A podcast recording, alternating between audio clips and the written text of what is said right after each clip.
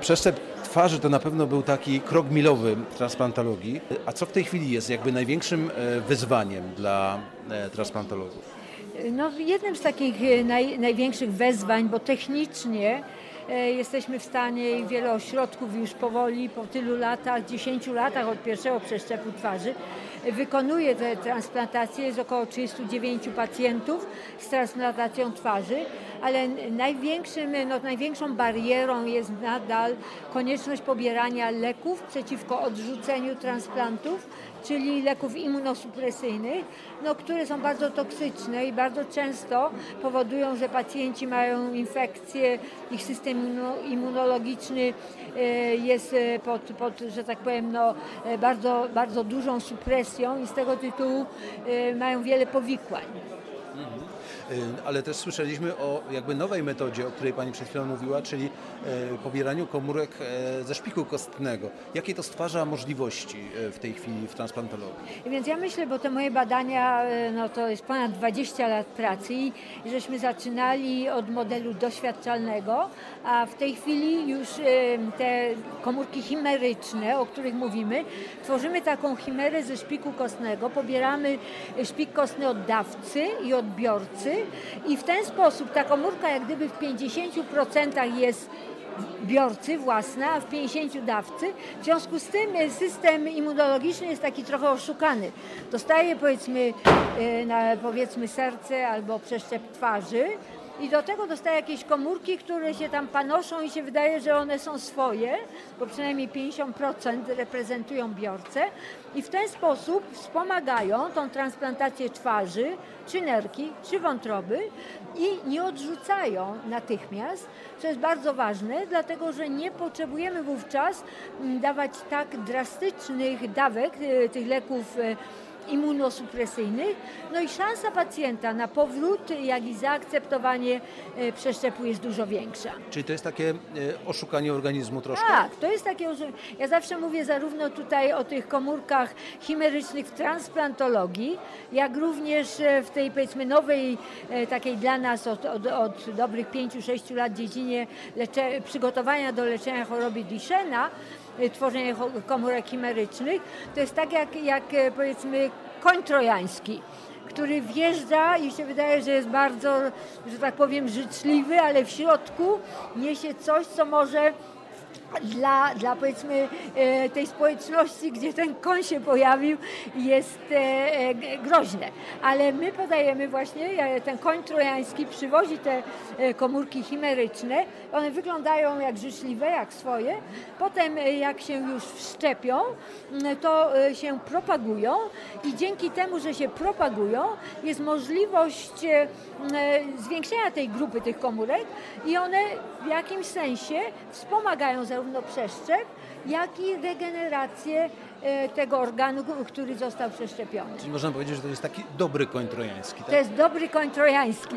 Ale chimera w mitologii no to takie stworzenie, które wydawałoby nam się, no nie może istnieć głowa lwa, ogon, e, ogon węża, e, a tu okazuje się, że jak No my najbardziej. jesteśmy, tak? to, znaczy myśmy my nazywali te komórki chimeryczne te, z dwóch względów. Raz, że jest rzeczywiście to połączenie dawcy zupełnie innego i biorcy zupełnie niespokrewnionego, ale również te komórki są takie chimeryczne.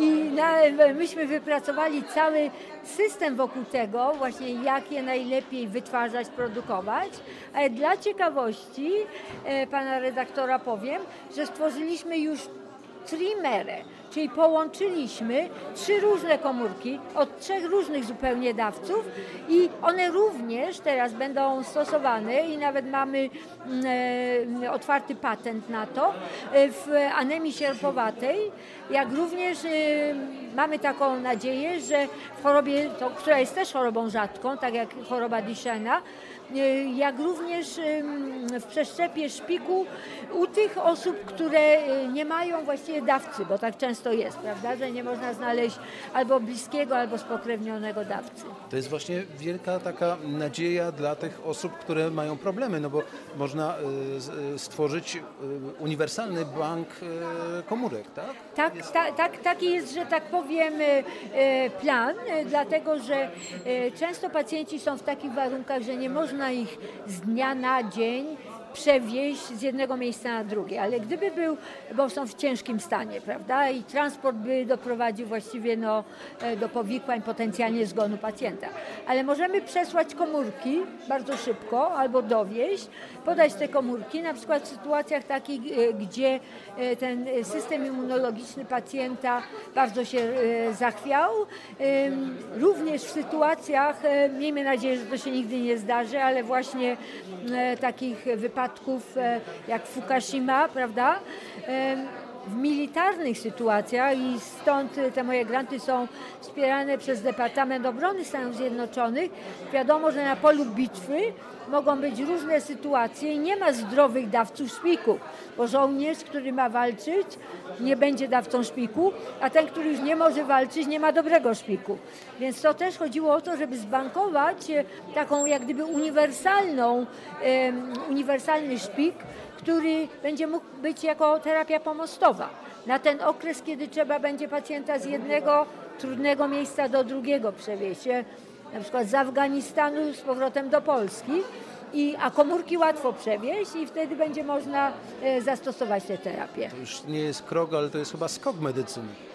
No miejmy nadzieję, to wszystko zabiera czas. Zabiera czas, zabiera pieniądze, jak Państwo wiedzą, każda, każda nowa terapia w medycynie e, to są ogromne koszty, nawet związane z ilością pacjentów, która musi być im poddana, aby zostały zaakceptowane e, przez e, wszystkie, że tak powiem, ważne urzędy, ale w sytuacjach e, takich, no jak gdyby bez wyjścia, gdzie nie ma odpowiedniego dawcy szpiku, albo w sytuacjach takich, gdzie nie ma żadnej właściwie dzisiaj, żadnego lekarstwa na chorobę Duchenne, e, to w chorobach rzadkich, no to w tej sytuacji no my dajemy szansę, prawda, ale nie mamy innych e, E, tutaj e, takich przeciwwskazań, dlatego że w chorobach rzadkich bardzo często jest duże wsparcie e, tych urzędów rejestracji jako terapie takie, które są no, dla pacjentów takiej ostatniej szansy.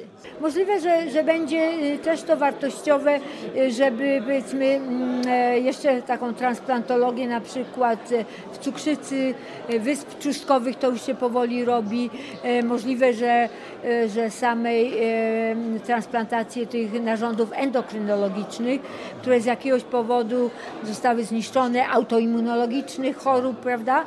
To jest, to jest dobre wyzwanie, dlatego że, że tych pacjentów, jak się z wszystkich, że tak powiem, dziedzin medycyny odliczy, jest bardzo wielu. A gdyby im można ten system immunologiczny jakoś no, wspomóc, ten system oszczędzić i, i wyciszyć na jakiś czas, to na pewno by jakość ich życia, jak i długość ich życia była przedłużona. Jest to, jak to mówią Amerykanie, sky is the limit, tak? Czyli możemy, możemy o wszystkim myśleć i jeżeli e, mamy takie wyzwania, marzenia i jest potrzeba i można pomóc pacjentom, to myślę, że nie ma ograniczeń myśli ludzkiej.